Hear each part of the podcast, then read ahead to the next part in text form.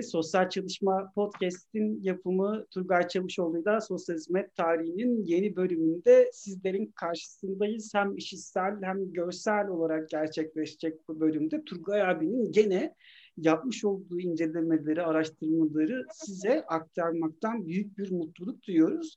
Duyuyoruz bir artık çoğun bir ifade çünkü artık e, podcast ailemizin arka, e, arkasındaki gönüllerimizi e, sahaya atma niyetimizde e, de gerçekleştirdik. Bu bölümde e, bizim podcast'i bizden daha fazla dinlemiş bir dinleyicimiz var. Aynı zamanda podcast'te de bütün çalışmalarımıza gerçekten çok ciddi gönül emek veren Elif aramızda. Kendisi tarih meraklısı. Dedim ki hemen e, Turgay abiyle Elif'i buluşturmalıyım ve e, Elif'in ilk podcast deneyimleri Turgay abiyle olmalı.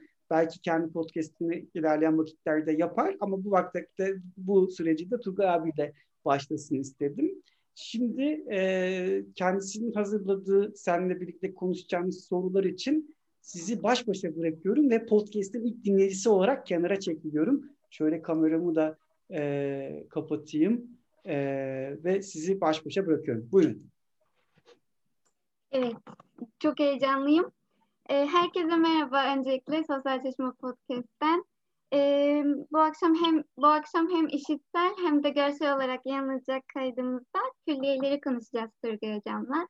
Turgay Hocam hoş geldin öncelikle. Çok heyecanlıyım ben. E, bir atam olursa affola.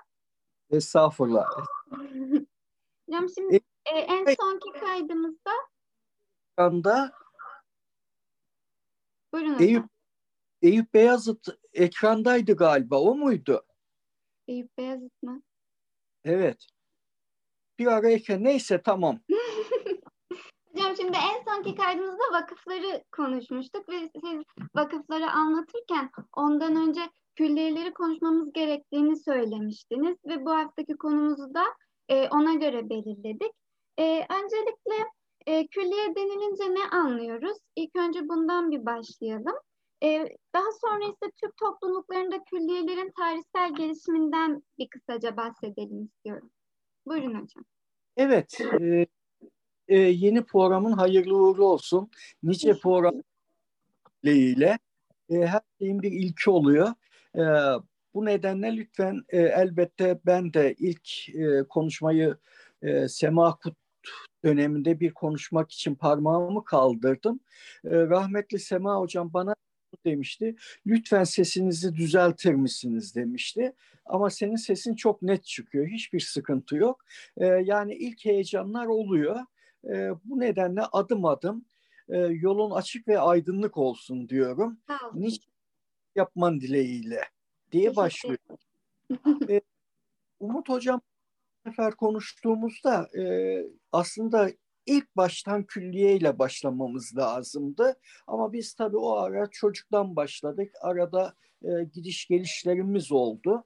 E, bu açıdan külliye açıkçası şöyle deniyor. Külliye birden fazla yapının bir araya gelmesiyle oluşan yapı topluluklarına denir diyor. Literatürdeki tanımı bu. Ama bunun en önemli şeylerinden biri merkezinde cami olması. Külliyenin olmazsa olmazlarından birisi e, medresedir. Bunu şöyle yapalım. Bir e, Selçuklu dönemi tabii e, eski e, Türkistan tarafına da indiğimizde orada da Semerkant'ta var. Özellikle saray külliyeleri dediğimiz çok güçlü yapılar var. Umut Hoca'yla e, yapmıştık. Gazanhan Yetimhanesi'nde özellikle Tebriz'de var külliye. Yani İslam e, kültürünün olduğu yerlerde külliye var. Külliye bugünkü toplumsal yapıyla baktığımızda e, merkezinde cami bulunan etrafında zamanla büyüklüğünü veya küçüklüğüne göre açılan mahalle sistemi, topluluk sistemi hatta ne deniyor baktığımızda e, e, manzume, e, imaret, site, imaret sitesi, kompleks gibi isimlerle de anılıyor külliyeler. E, bu tür isimler de var. Ama bugünkü baktığımızda bir mahalle sistemi. Bir mahalle sistemi nasıl kuruluyorsa o sırada baktığımızda e, çok ciddi şekilde e, tarih boyunca özellikle Selçuklular, Osmanlılar fethettikleri yerlere de külliyeler açarak genişlemiş. Peki bunun için e, örnek olarak tarihsel sürece baktığımızda çok ilginç olan şey e, Artuklular döneminde görüyoruz, Beylikler döneminde. O da 12. yüzyılda mıydı isim olarak e, şey yaptığımda? Evet 12. yüzyılın başlarında Mardin'de e, Artuklular zamanında Eminüddin e, Külliyesi. Anadolu topraklarındaki ilk külliye karşımıza çıkıyor. E, bunun için daha önce Semerkant, Buhara gibi e, şeylerde de Anadolu dışında topraklarda da külliyeler çıkıyor karşımıza. Biz bunlara saray külliyeleri diyoruz. Yani hükümdar e, tarafından yapılmış külliyeler. Şunu da ek olarak söyleyeyim. Külliyelerin e, heybeti şeye göre değişiyor. Eğer hükümdar ailesi tarafından yapılmışsa daha büyük ve içeriği daha dolu. E, beyler tarafından yapılmışsa beyliğin gücüne göre daha mütevazi. E, eğer e, orada ileri gelenler tarafından yapılmışsa da belirli bir şekilde külliyenin etrafı ona göre doluyor. Peki külliyenin içinde, ha pardon e, şeyi söylemeyi unuttum ben. E, mesela ilginç, zamanı ekonomik kullanma açısından 40 dakikayla olduğu için şey yapayım. E, mesela Anadolu'da Kayseri'de e, e, Huant ya Hunat e, Hatun Külliyesi 1238'de açılmış. E, bunun çok ilginç hikayesi vardır. Bunları makalelerde okuyabilir öğrenci arkadaşlarımız. E, Hunat Hatun e, Selçuklu döneminde Kayseri'de, e, Alanya'da o sırada savaşma yapılırken Alanya'nın o sırada sahibi olan bir Rum e, e, şeyi, kralı. Madem diyor iyi niyetle kan dökülmesini istemiyorum, teslim edeceğim. Bana Anadolu'da yaşanacak bir yer gösterin. Kızımı da işte Selçuklu hükümdarına vereceğim diyor. Ve Rum olduğu için doğal olarak Hristiyan e, hükümdar şöyle bir şey yapıyor. E, ona ait bir tane bazilika yapıyor e, bulunduğu yerde. O dinini, e, dini ibadetin gereğini yapıyor. Daha sonra oğlu tahta geçtiğinde de Müslümanlığı kabul ediyor. Çok ilginç bir şey. Külliyenin içinde e, bazalika bile var. Yani bu çok özel bir şey. Evet bir şey. Diyebilir miyiz? Yani bulundukları yerlere göre, yani külliyelerin bulundukları yerlere göre ihtiyaçları değişirken e, mimari programları da farklılık gösterebiliyor diyebilir miyiz? Tabii. Bir ne dedik? Eğer Selahattin külliyelerinde sarayın ileri yani padişah ve eşi adına yapılmışsa en heybetli olanlar bunlar oluyor. Bunun yanı padişahtan sonra sadrazamın yaptırdığı külliyeler vardır. Bunlar yol üzerinde. Onu biraz sonraki aşamalarda anlatayım sana dersen. Yani yapanın e, ekonomik gücüne göre külliyenin de güç oranı artıyor etrafta. E, külliyenin içinde olanları söyleyeyim izninle. Külliyenin içinde e, ne dedik bir arada olanların içinde şöyle bakıyorum hemen notlarımı tek tek e, karıştırdığımda e, külliyenin içinde bulamadığım e, ilk önce taphane var. Taphane dediğimiz e, yemek evleri var. E, kervansaraylar var. E, bunun yanı sıra e, mescitler var. E, medreseler var e, e, cami olmazsa olmazlardan, kütüphane olmazlarsa olmazlar arasında gelen şeylerden birisi. Hamam hocam, hamam var mı? Hamam. Nasıl? Hamam. Ev, hamam, şadırvan, müvekkithane bunlar hepsi var. Yani Hı-hı. büyük şimdi ben onları içinde en son kısımda planlamamda neler var onları e, sana aktarmaya çalışacağım. Ama kül Osmanlı devrinde 16. yüzyılda e, güçlü bir külliye yapısı çıkıyor. Bunda da Mimar Sinan'ın da etkisi var. Tabii biz ne dedik? Semerkant'ta, Buhara'da külliyeler var. Onların bir planları var karşımıza çıkan ama Sinan'la Mimar Sinan da külliyeleri çok ciddi bir de katkısı olmuştu. Planlanması, geometrik şekiller, e, e, e, yapının güzelliği açısından ayrıca bir şey e, getirmiştir. Mesela şifahanelerle e, külliyenin merkezi kısmını e, birleştirmiştir. Yani bunlar yapıların birbirine e, konusunda da ciddi mimari şeyler yapmıştır. Osmanlı Devleti'nde dini, sosyal, ekonomik, siyasal ve kültürel amaçlarla yapılmış külliyelerin şeyi. Dini amaçlarla ne diyoruz? İçinde medresesi var. Camisi var. E, sosyal amaçlı ne diyoruz? Biraz evvel hatırlattığın için teşekkür ediyorum. Hamamlar var. Kervan, kervansaraylar var. E, o zamanın deyimiyle helalar var burada. Ekonomik amaçla son bölümde de vurgulayacağım. Arastalar var, çarşılar var yani arasta dediğimiz çarşılar var. E, siyasi, kültürel amaçlı olarak da baktığımızda kütüphaneler var. Çok ciddi şekilde e, hemen hemen büyük olan e, Selahattin e, külliyelerinde e, karşımıza kütüphaneler geliyor. Yani bu demektir ki ciddi bir şekilde okuma yazma.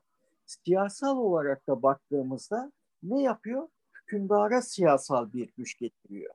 E, bunun yanı sıra e, vezirlere siyasal bir, güç getiriyor. Mesela Sokulu e, Mehmet e, şey Sokulu'nun e, şeyinde külliyesinde çok ciddi şekilde yol üzerinde e, ciddi şekilde sosyal ve ekonomik yönlerden Payas'ta güçlendirilmiş bir külliye açılmıştı. Evet, sorun, soruların karşılığı buldu mu bilmiyorum ama bilirsin. Evet hocam. Şimdi e, külliyelerde birçok şeyden bahsettik. İşte bir sürü bölümler vesaire.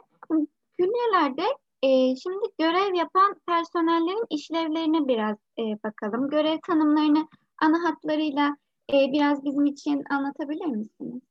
Evet. E, e, geçen şeyde konuşurken vakıflarda neredeyse vakıfların şeyi devletin e, çalıştırdığı personelle neredeyse birbirine eşitti. Yani çok güçlü bir şekilde nedir? Külliyede zaten e, ne yapıyoruz? Bir mütevellisi, geçen e, vakıflar kısmında anlattık. Bir mütevellisi var. Mütevelli nasıl? Ben diyorum hani padişahım ya Fatih Sultan Mehmet, ikinci Beyazıt kim ne dersen de e, bunlar ben diyor buraya diyor külliye açıyorum diyor. Ama bunun yanı sıra e, mesela Mısır'da kalavun tesisleri, bunların darüşşifaları da e, güçlü şekilde ne dedik? İslam'ın olduğu bölgede ciddi bir şekilde yapılaşma var. Bu da nedir? Vakıflarda da söylediğimiz gibi hayır hasenat amacıyla yapılan şey külliyedeki. Burada ilk önce bir mütevellisi var. Nedir? Geçenlerde anlattık vakıflar kısmında. Mütevelli kendi olabiliyor, çocuk olabiliyor, e, çocuklarına bağışlayabiliyor. Sınıflamayı geçen sene, e, geçen e, anlatmıştım vakıflar kısmında. İkinci kısmında da katip diyoruz. Tüm külliyeyi, e, külliyeyi evirip çeviren e, katip. Yani bunlar büyüklüğüne göre de değişebiliyor. Ayrıca tahsildar diyorlar, cabiler. Yani olmazsa olması e, mütevelli, katip, cabiler. Cabiller de tahsildar. Katip e, Arastan'ın kervansarayda nedir gelir elde eden onları e, yönetiyor. Nereden ne kadar para aldığını.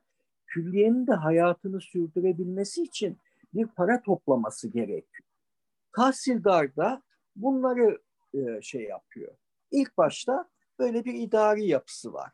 Bunun yanı sıra e, külliyelerin hastane, tekke, zaviye, imaret gibi tesislerinde e, mütevelliye bağlı olarak çalışanlar var. Bunlara da nakip deniyor. Nakipler buranın yönetimiyle ilgili geliyor. İlginç olan birkaç tane daha isim vereyim sana istersen. Mesela ne diyor? Ee, e, bimerhanelerde bu kişilerin işlerini yapıp yapmadığını bir e, şey yapmak için kişilere de noktayı ya da noktacı deniyor. Yani e, oradaki külliyenin içinde çalışan şifahane olabilir, medrese olabilir, kütüphane olabilir. Gelip gidiyor mu? Onların da kontrolünü sağlıyorlar. Yani bir disiplin olayı var. Peki bunun yanı sıra imarette pardon şunu söylemeyi unuttum ben.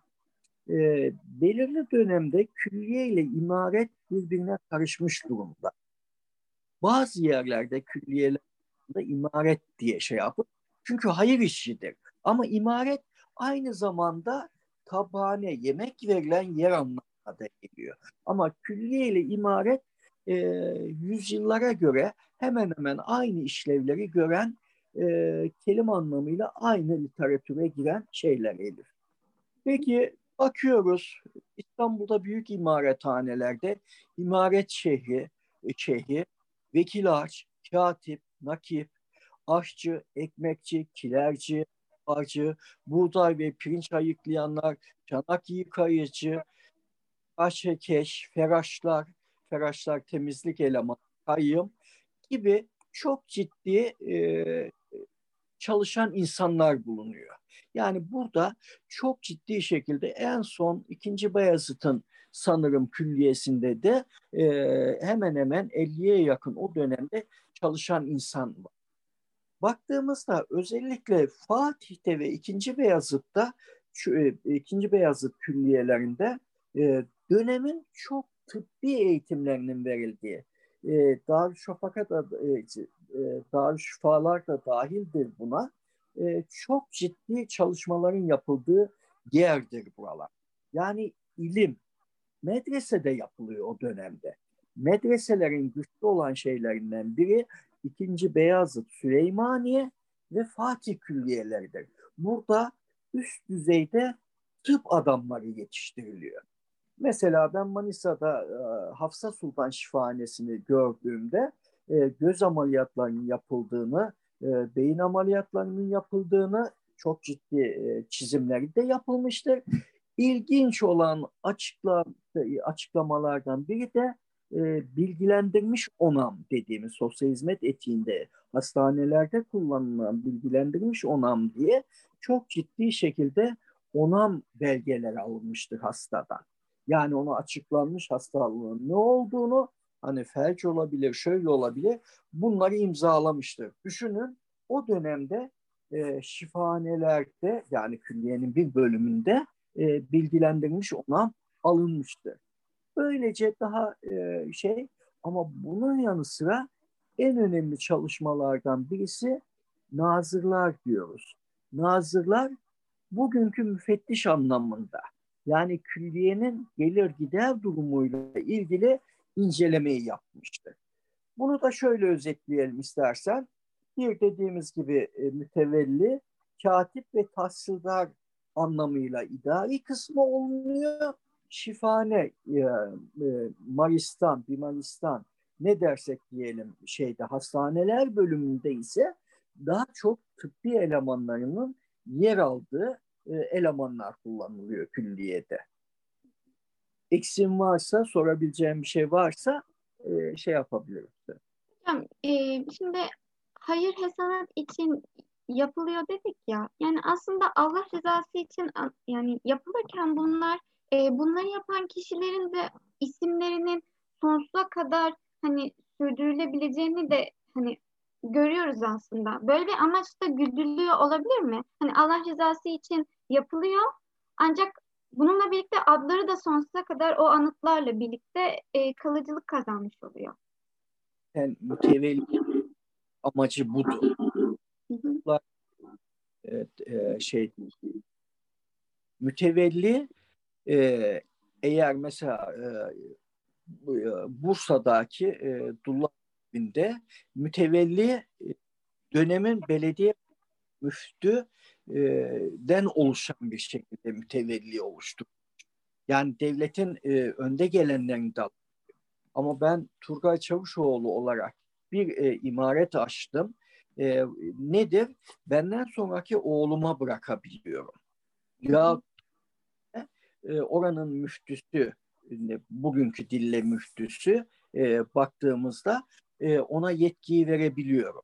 Bu şekilde sıralama ama vakıf malından bir gelir elde etmek değildir. Vakıf malı oluşturulurken nedir? Arastalar mesela e, geçen e, dersimizde de söylediğimizde e, bağlık, bahçelik, hamamlar, e, diğer dükkanlar bu tür şekilde altyapısı güçlü şekilde parasını yani çalışanların parasını karşılayacak bir sistem. Döner sermaye sistemi kuruluyor. Anladım hocam. Ee, şimdi külliyeler hakkında az çok kafamızda bir şeyler canlanmıştır. Ben de kendimi böyle sanki sınıftaymış gibi, sınıfta ders dinliyormuş gibi hissediyorum. Ee, hocam şimdi e, birazcık bölgesel olarak yani Anadolu'da ve Trakya'da külliyelerin konumlandıkları yerlere göre nasıl sınıflandırıldıklarına değinelim. Ee, ben e, pek kullanamıyorum. Geçenlerde bir aynı zamanda bilgisayar kullanabiliyormuşuz. Arkamızda elde edebiliyormuşuz ama onu öğreneceğim e, sanırım artık çalışmanın sonuna gelirken de. E, şey, e, Anadolu hani Mısır'dı, diğer tarafları, e, Balkanları e, kaldıralım. Anadolu ve bugünkü Trakya'yı ele alalım. E, nasıl bir şey yapayım? Bu şekilde telefonum olduğu şey Anadolu ve Trakya şurası diyelim. Türkiye üçe bölünmüş durumunda. Sağ, sol, orta. Öyle bir şekilde en alttaki yol daha çok hacca gidenlerin kullandığı. Biz ne diyoruz? E, bilgilerini e, yenilersen e, şeyde de lisede de gördüğümüzde İpek yolu, baharat yolu deriz. Dikkat et, bu bize Çin'den gelen şeyleri alırız ve biz bunu e, Avrupa'ya kadar çıkarırız. Sistem böyledir. Türkiye haritasında üçe böldük. Aynı şekilde Trakya çıkışında. Trakya çıkışında üçe böldük. Baktığımızda e, bura ilginç bir şekilde e, üzerinde yollar yapılmış. Külliyeleri de e, ikiye ayırıyoruz. Şehir merkezinde olan külliyeler ne de şehir merkezinde? İstanbul şehir merkezidir değil mi? Çukurova, Adana şehir merkezidir. Bu yerlerde yani yolların geçtiği yere biz şehir merkezindeki külliyeler diyoruz. Diğeri de e, baktığımızda menzil külliyeleri. Menzil külliyelerde şu oluyor Elif. Mesela adam bugünkü örnekle verdiğimizde e, e, Ankara'dan yola çıkacak Malatya'ya kadar gidecek. Yolun üzerinde arada kervansaraylar kuruluyor. Kervansarayların olduğu yerlerde burada ne yapıyor? Bunların atlarının yiyecekleri karşılanabiliyor. Atlar dinlendiriliyor. Ee, burada vatandaşlar yatıyor. Ee, ve burada sağlık kontrolleri yapılıyor. Ciddi şekilde menzil külliyeleri diyoruz buna. Menzil külliyelerinde daha küçük yani büyük çaplı cami yerine daha ufak camiler dediğin gibi hamamıydı, tuvaletiydi, şadırvanıydı, e, küçük sağlık kontrollerinin birimlerin olduğu ikiye ayırıyoruz biz bunları.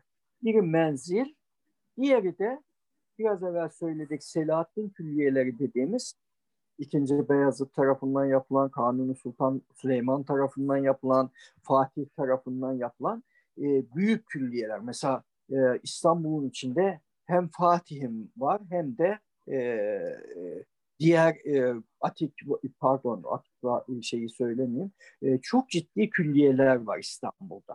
Yani bugün baktığımızda Derya Deniz e, bir külliye ile karşı geliyor. E, bunun yanı sıra e, nedir? E, şöyle bir şey. E, buralarda e, halkın halk ile sadece dinle değil ticari, eğitsel ve sosyal yardım anlayışıyla iç içe e, şey yapılmış. E, külliye yapılarında taphane, taphane nedir? E, yemek verilen yer. E, o dönemlerde dini medrese eğitimi almış dervişler Anadolu'nun ücra köşelerine kadar yayılıyorlar. Burada dini bilgileri veriliyor. Yani o dönemde düşündüğünde e, ciddi bir şekilde dini eğitim veriyorlar ve gittikleri yerde dervişler e, çok ciddi şekilde yemesi içmesi e, buralardan, kapanelerde, misafirhanelerde karşılanıyor. Burada 2-3 gün boyunca değişebiliyor sistem. E, burada gelen gidenden hiçbir şekilde para alınmıyor. Para alınmıyor. Bu şekilde e, şey yapıyor.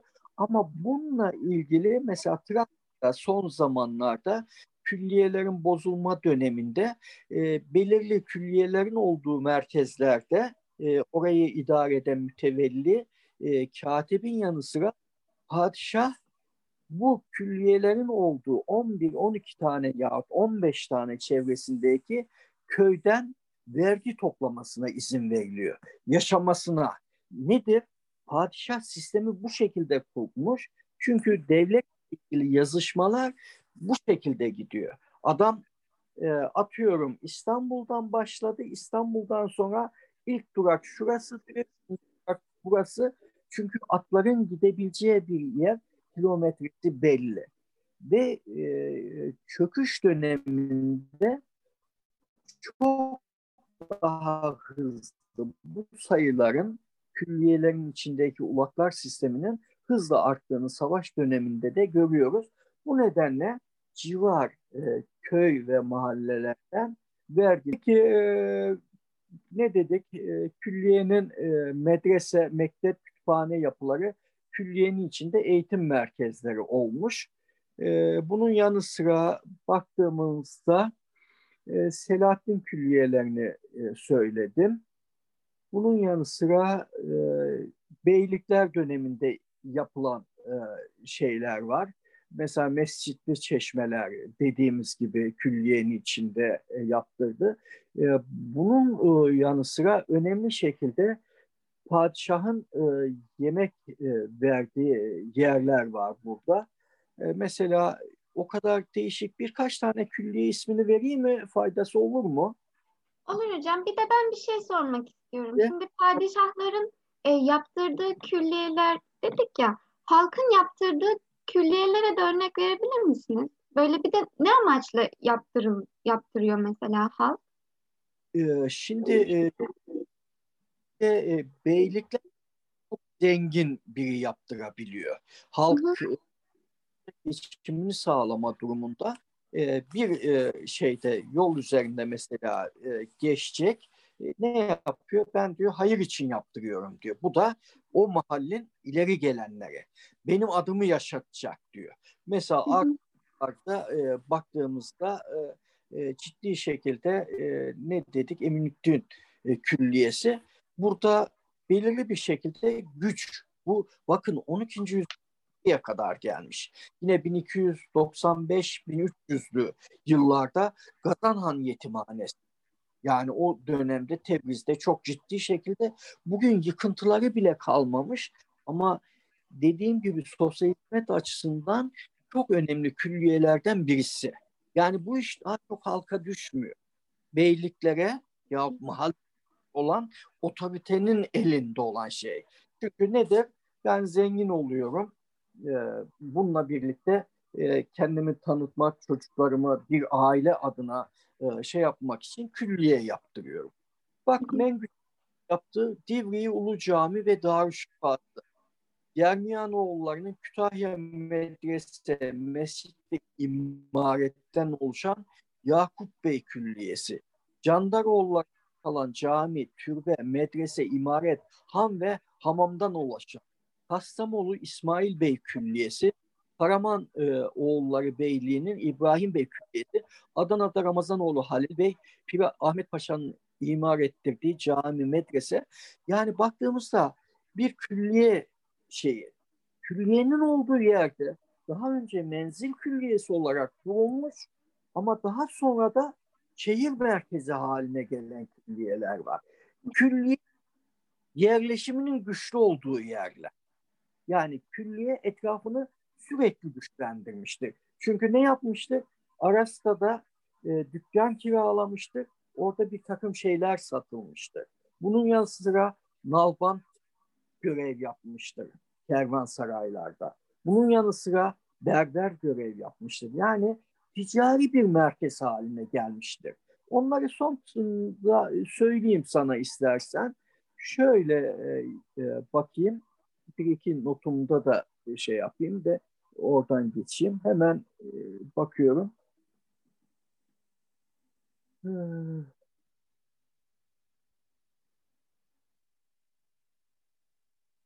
Evet, biraz uzattım hemen e, çünkü zamanımız da e, bayağı geçti değil mi? Evet, bir de son 7 dakikamızı gösteriyor hocam. Hemen söyleyeyim, bir hizmet kurulu kavramının temelinde halka parasız hizmet ilkesi vardır. Hayır amaçlı kuruluşlar olan külliyeler ücretsiz hizmet vermekle yükümlü. Bu da hizmet açısından bizim açımız.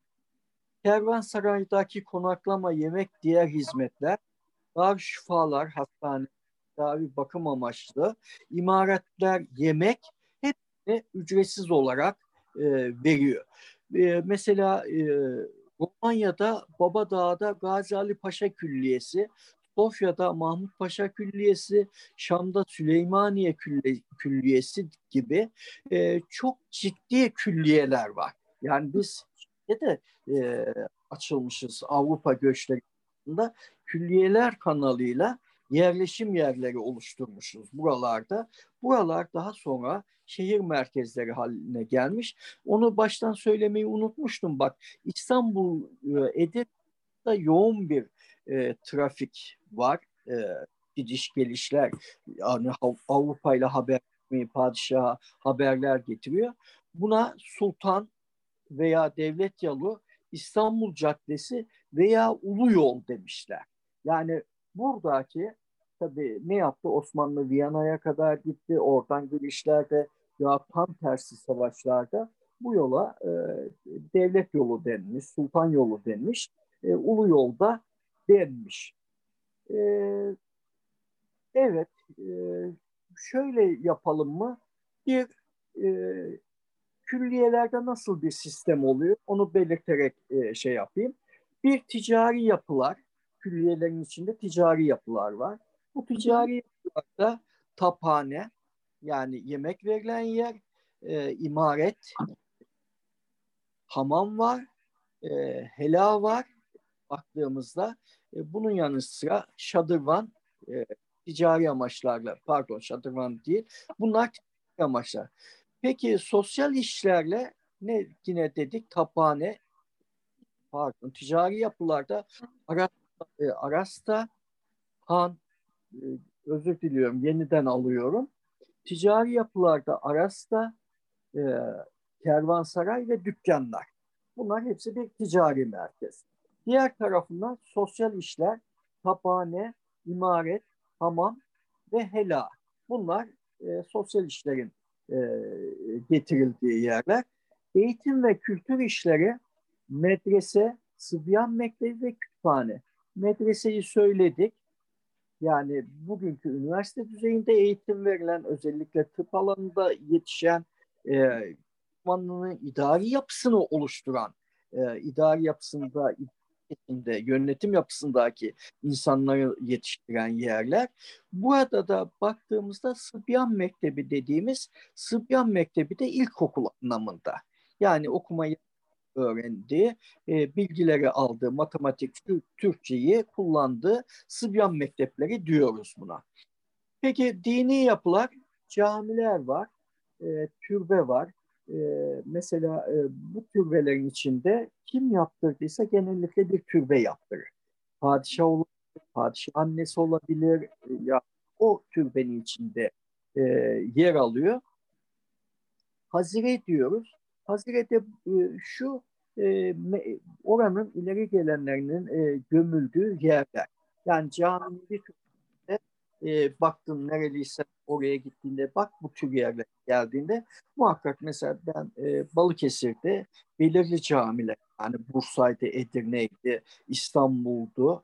Bunlar e, payitahta e, e, başşehirlik yapmış yerlerde. Muhakkak her yerde e, şeyleri vardır, hazireler yani mezarlıkların olduğu yerlerde. Ayrıca e, mezarlıklar var. E, bayındırlık yapıları köprü, çeşme, su yolları, kaldırımlar, e, külliyelerin etrafında yapılan bunlar bayındırlar. Askeri yapılar var, kule, şehir surları. Bir dönemlerde özellikle e, geçiş yerlerinde e, özellikle surlar yapılıyordu. Çünkü o dönemde orayı kontrol altına alabilmek için e, özellikle kervansarayların, ticaret merkezlerinin olduğu yerler kapatılıyordu. Özellikle eşkıyalık döneminde bu tür şeyler gelebiliyor. Diğer yapılarda da geldiğimizde e, külliyeleri yapanlar mesela bu daha çok padişahlar tarafından tersane, e, iskele, gümrük e, şeyleri yapılıyor. Evet, e, daha geniş olarak mesela e, dervişlerin e, yaşantıları şeyler ele alınabilir ama zamanımı ben de biraz ekonomik kullandım. Aklımıza gelen son soruları istersen alıp bitirelim. Ne dersin? E, son şey, e, son olarak külliyelerin içinde darül şifalar var dedik ya. Bu darül evet. şifaları bir de sosyal hizmet e, açısından in, incelesek, rol ve işlevlerine baksak zamanımız da azaldı ama. Evet. Onu diyelim. E, dediğimiz gibi e, e, bunların içinde ne dedik? 1295'lerde e, Gazanhan Yetimhanesi korunmaya muhtaç yapılmıştı. E, ama e, biraz evvel söyledik. Mesela e, Kayseri'de Gevher Nesibe Sultan vardır. Amasya Dağ vardır. İkinci Bayezid Dağısı var. E, Kalavun e, e, Mısır'da Kalavun e, şifahanesi vardır. Bunlar çok ciddi tam bir tane yani sosyal hizmet birimi ücretsiz yap yapılır ve tüm ilaçları e, sultan adına ne dedik e, mütevelli ve katip tarafından tahsitler tarafından şey yapılan harcamalar oradaki kişiler yedirilir, içirilir, nekat yani ile dönemi e, ele alınır. Buradan sonra serbest bırakılır. Buralarda eczaneler var, hamam var, e, Darüşşifa'nın yanında e, bu birimler var. Ameliyathane birimleri var.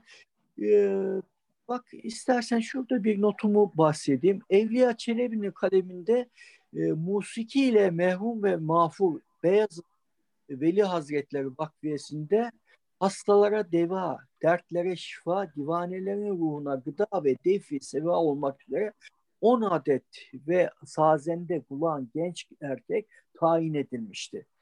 Ee, şimdi o evet. o Turgay abi bitirmemiz lazım. Toparlamamız lazım. Ben girdim oraya kusura bakma. Hemen e, hocam sana sataşarak topluyorum o zaman. Evet e, son bölümde e, Darüşşifaları e, anlattığımızda e, o sırada çok ciddi bir şekilde ha, e, hastane sistemi yok e, Osmanlı'da ve Selçuk'ta dediğimiz gibi e, Kalavun, Sultan Kalavun'un Mısır'da kurduğu çok ciddi bir hastane sistemi var. E, bu hastane sistemini Osmanlı'da taşımış, Selçuk, daha doğrusu Selçuklu döneminde de ve Kayseri'de baktığımızda Amasya Şifahanesi, ikinci e, Beyazıt Bimarhanesi, Şifahanesi, e, değişik isimlerle al, al, algılanıyor. Toplumda da değişik şekilde. Çok ciddi bir şekilde hastane sistemi kurulmuş.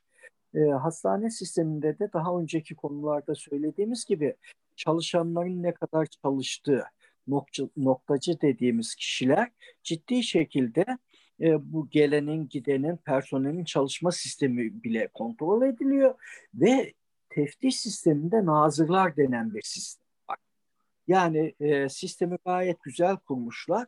E, Umut hocama takılacağım diyecektim. E, Evliya Çelebi e, musikiyle tedavide çok ciddi şekilde mesela ne diyor 10 adet hanende ve sazende genç erkek tayin edilmiş. Üç hanende biri neyzen, biri kemancı, birisi musikarcı, biri santuracı, biri çengi, biri çengi e, gibi e, aletlerle müzik yapılıyor ve e, muhakkak çalışacaktır hocam. Müzikle tedavi mesela bununla ilgili Osmanlı şair hekimlerinden Şururi Hasan Efendi'nin Tadilül Emzici adlı eserinde rast makamı. Umut hocam rast makamı neye iyi gelirmiş bilmiyorsunuz değil mi? Ya biliyorum Oysa aslında da makamlar dur bakayım hemen hemen sen söyle artık Google'lamayayım. Ee, evet. Yani ne devaymış hocam. Havale ve felç illetine deva. Evet, evet hocam ben burada bir şey söyleyeyim. Ee, İstanbul'da bir engelli rehabilitasyon merkezini ziyaret ettiğimde oradaki sosyal çalışmacı e, bir odaya yine böyle bir sistem kurmuştu ve e, bu tür müzikleri dinletiyordu ve hatta bu mak- makamı da ben sanırım oradan anımsadım. E, bu şekilde e, dinlemeler yaptırıyordu. Müziğin evet. tedavi edici yönünü kul- kullanarak ve gerçekten çok iyi geldiğini de söylemişti. Evet İstanbul şu anda bilemiyorum profesör olmuştur. E, Oruç Hoca soyadını anımsayamadım. Oruç, Oruç Hoca, Hoca vefat etti abi yakın zamanda. Evet. Çok çalışmalar yapmış bir şeydi. Biz Saray Bakım ve Rehabilitasyon Merkezi'ne e, onun kasetlerini getirdik. Yani Dami ne Hoca, Dami Oruç Güvenç'ten bahsediyorsun değil mi abi? Yani e, çok ciddi çalışmalar yapmış biriydi. E, Allah rahmet eylesin diyorum. E, yani ciddi şekilde o dönemde hmm, Orta Çağ dönemlerinde e, Avrupa'da e, içindeki cin çıkarma şeyleri tabii Türkiye'de de Osmanlı'da da olmuştu. Ama o dönemde müzikle tedavi Amasya Şifahanesi'nde işte Beyazıt, e, ikinci Beyazıt Külliyesi'ndeki şifahanede çok ciddi çalışmalar yapılmış. E, mesela İsfahan makamı zihni açar, zekayı arttırır, anıları tazeler. Daha çok reh rehavi makamı baş ağrısına devadır.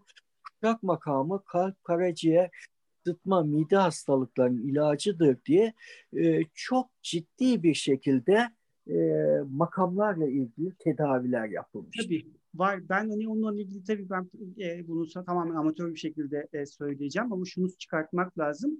Biz bu bilgiyi Avrupa'dan, Amerika'dan transfer ediyoruz. Hani biraz hani böyle e, bu, bu çok ciddi bir problem. Hani şimdi müzik terapiyle ilgili akreditasyonların hepsi Amerika'dan geliyor ama Amerikalılar müzik terapiyi bizden alıyorlar. Hani e, bu hani biraz hani bizim hani bir sosyal hizmet tarihinde de ya da bu biraz daha e, genişletirsek bunu e, burada da baktırmamız gereken husus aslında bizim geçmişimizde çok güzel örnekler var. Hani e, müzik terapide külliyelerde çok kullanılan e, tedavi aracı olarak kullanılan bir teknik e, hastane görevi açısından. Evet abi. Ben mesela e, şeyde Hafsa Sultan Şifahanesi'nde öğrencilerimi sosyal hizmet dersinde götürürdüm.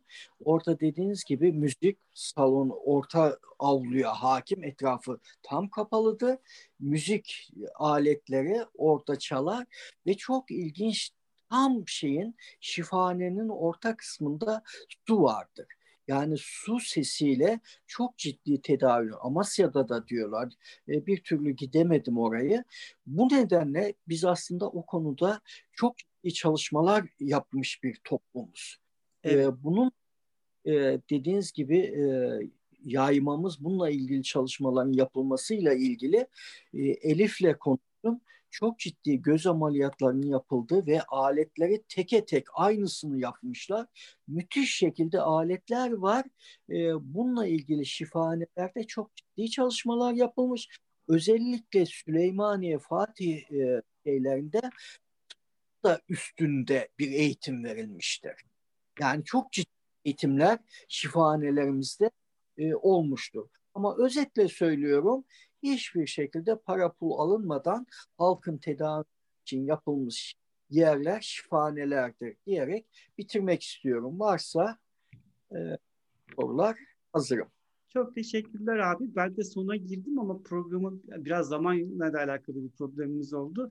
Biz normalde podcastlerin dinlenme istatistiklerine göre yayınları belirli bir dakikada tutmaya çalışıyoruz. O yüzden de Zoom'u tercih ediyoruz. Çünkü Zoom bizim o yayın şeyimize denk geliyor. E, ama Turgay abi senle daha uzun yayınlar yapmalıyız. Hani onun e, biliyorum. E, bölerek yapacağız herhalde artık bundan. Çok teşekkürler kendi adıma. Programı e, kapatması için e, Elif'e bırakıyorum. Sizi baş başa bırakıyorum. Çok sağ olun ikinizden. Ben çok ilk, ilk defa ilk kaydı dinleyen kişi olarak, canlı dinleyen kişi olarak çok mutlu oldum. Umarım izleyiciler ve dinleyicilerimiz de böyle e, bu mutluluğu böyle paylaşırlar. Evet. Hocam çok teşekkür ederim.